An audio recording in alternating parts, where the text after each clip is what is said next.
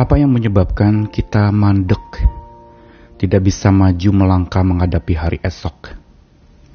Salah satunya adalah kita hidup di dalam pengandaian. Apa maksudnya? Seandainya dulu tidak begini, maka saya tidak jadi begitu. Seandainya dulu dia tidak melakukan saya seperti itu, maka saya tidak akan menjadi seperti yang sekarang ini. Dan berbagai macam seandainya, seandainya, dan seandainya. Padahal semua itu sudah berlalu. Dan kita tidak bisa kembali ke masa lalu. Sudah berlalu ya sudah.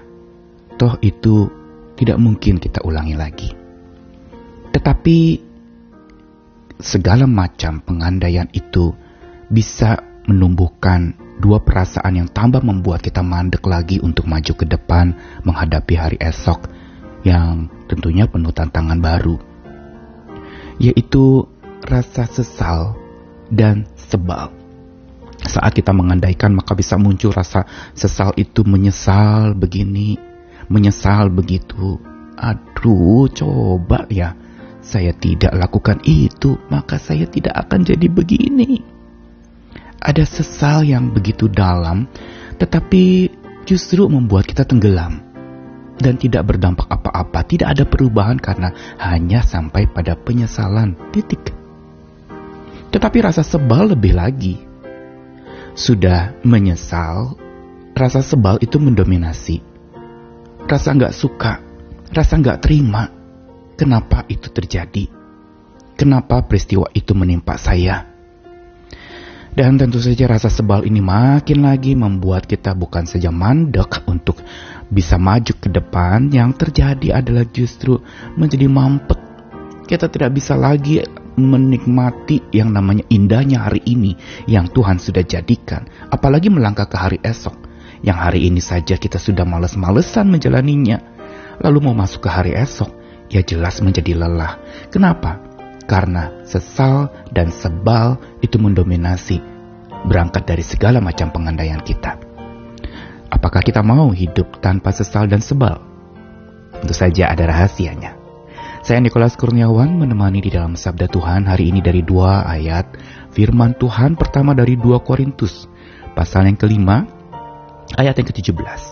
Jadi siapa yang ada di dalam Kristus ia adalah ciptaan baru yang lama sudah berlalu sesungguhnya yang baru sudah datang. Lalu Filipi pasal 3 ayat 12 sampai 14 ditulis oleh penulis yang sama mengatakan demikian. Bukan seolah-olah aku telah memperoleh hal ini atau telah sempurna melainkan aku mengejarnya. Kalau-kalau aku dapat juga menangkapnya karena aku pun telah ditangkap oleh Kristus Yesus. Saudara-saudara aku sendiri tidak menganggap bahwa aku telah menangkapnya, tapi ini yang kulakukan.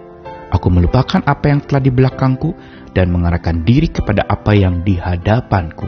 Dan berlari-lari kepada tujuan untuk memperoleh hadiah yaitu panggilan surgawi dari Allah dalam Kristus Yesus. Rasul Paulus penulis dua ayat tadi dari dua Korintus dan juga Filipi mau menegaskan tentang bagaimana dia menyikapi masa lalunya. Yang tentu saja ada kelamnya ada peristiwa-peristiwa yang tidak seharusnya terjadi yang mungkin bisa jadi sebagai manusia dia menyesal. Mengapa itu terjadi? Mengapa saya berbuat ini? Mengapa saya berbuat itu? Sekarang saya jadinya begini. Bisa jadi memang ada rasa sesal itu.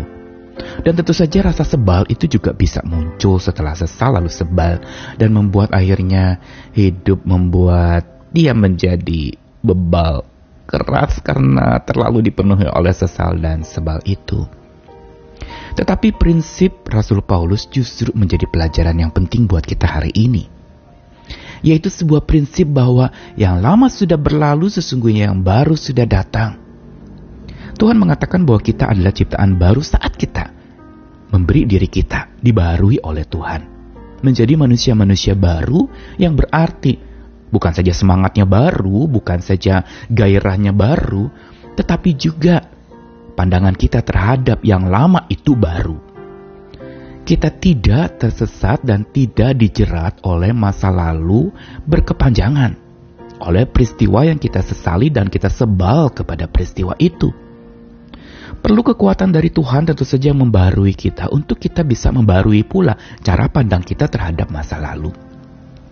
Walaupun kita bisa mensugesti diri dengan mengatakan yang lalu sudah berlalu, tetapi tetap secara manusia, nalar kita, akal budi, pikiran kita sering kali menjadi begitu tipis karena kita berpikir buruknya saja, kita berpikir sesuatu yang lalu itu kita sesali menjadi trauma dan kita sulit untuk maju karena kita seolah-olah terfokus kepada hal itu.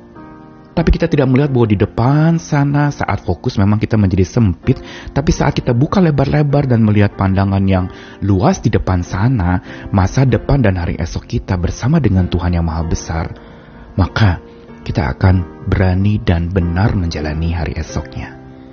Dan ini juga yang Rasul Paulus katakan dalam prinsipnya di Filipi tadi. Dia katakan bukan seolah-olah aku telah sempurna, tapi aku mengejarnya, aku menangkapnya karena Tuhan sudah menangkapku. Perhatikan bagaimana dia dibaharui, yang dia katakan yang lalu sudah berlalu, sekarang yang baru sudah datang. Dan sikap dia adalah bahwa dia melupakan apa yang di belakang dan mengerahkan pada apa yang di depan. Dan berlari kepada finalitas hidupnya, yaitu panggilan Tuhan yang memberikan kelegaan, ketentraman, membuat dia menghadapi hari esok dengan tahu ujungnya itu akan menjadi indah, ujungnya akan menjadi sesuatu yang menyenangkan, melegakan, dan penuh damai sejahtera. Inilah mindset yang diubahkan untuk supaya seseorang tidak kesensen kepada peristiwa yang sudah berlalu. Entah itu suatu kejayaan, kita sesal kenapa dulu jaya sekarang gagal, sekarang tidak berhasil kayak dulu. Dan lalu kemudian kita juga mulai dalam sesal itu kita sebal. Tetapi Tuhan mau kita bangkit. Tuhan mau kita sungguh menyadari bahwa tidak ada yang salah dengan peristiwa yang sudah berlalu itu. Jangan salahkan, karena akan buang-buang waktu dan buang energi menyalahkan peristiwa yang sudah berlalu. Yang jadi masalah adalah ubah cara pandang kita cara pandang dalam menyikapi peristiwa yang sudah berlalu itu yang berangkat dari keyakinan kita akan Tuhan yang memperbarui hidup kita, juga memperbarui hari esok kita, memperbarui semangat kita hari ini, dan memperbarui cara pandang kita kepada masa lalu yang sudah berlalu. Karena itu tidak perlu sesal. Hidup tanpa sesal itu akan membuat jadi bekal menuju hidup yang kekal dan bahagia. Begitu juga singkirkan segala macam sebal akan masa lalu. Toh sudah berlalu, ngapain juga kita sebal kepada sesuatu yang kita tidak mungkin mengulangi lagi, kembali lagi, repeat again gak bisa. Dan yang ketiga, pertebal akal dan amal. Jangan tipis memandang sesuatu. Jangan dangkal melihat segalanya. Tapi pertebal akal budi kita dan lakukan amal kita perbuatan baik kita untuk hidup kita menjadi lebih baik. Jangan tunggu orang berbuat baik sama kita. Kita lah yang berbuat baik sama orang lain. Supaya hari esok jadi baik dan kita jalani hari ini juga dengan baik.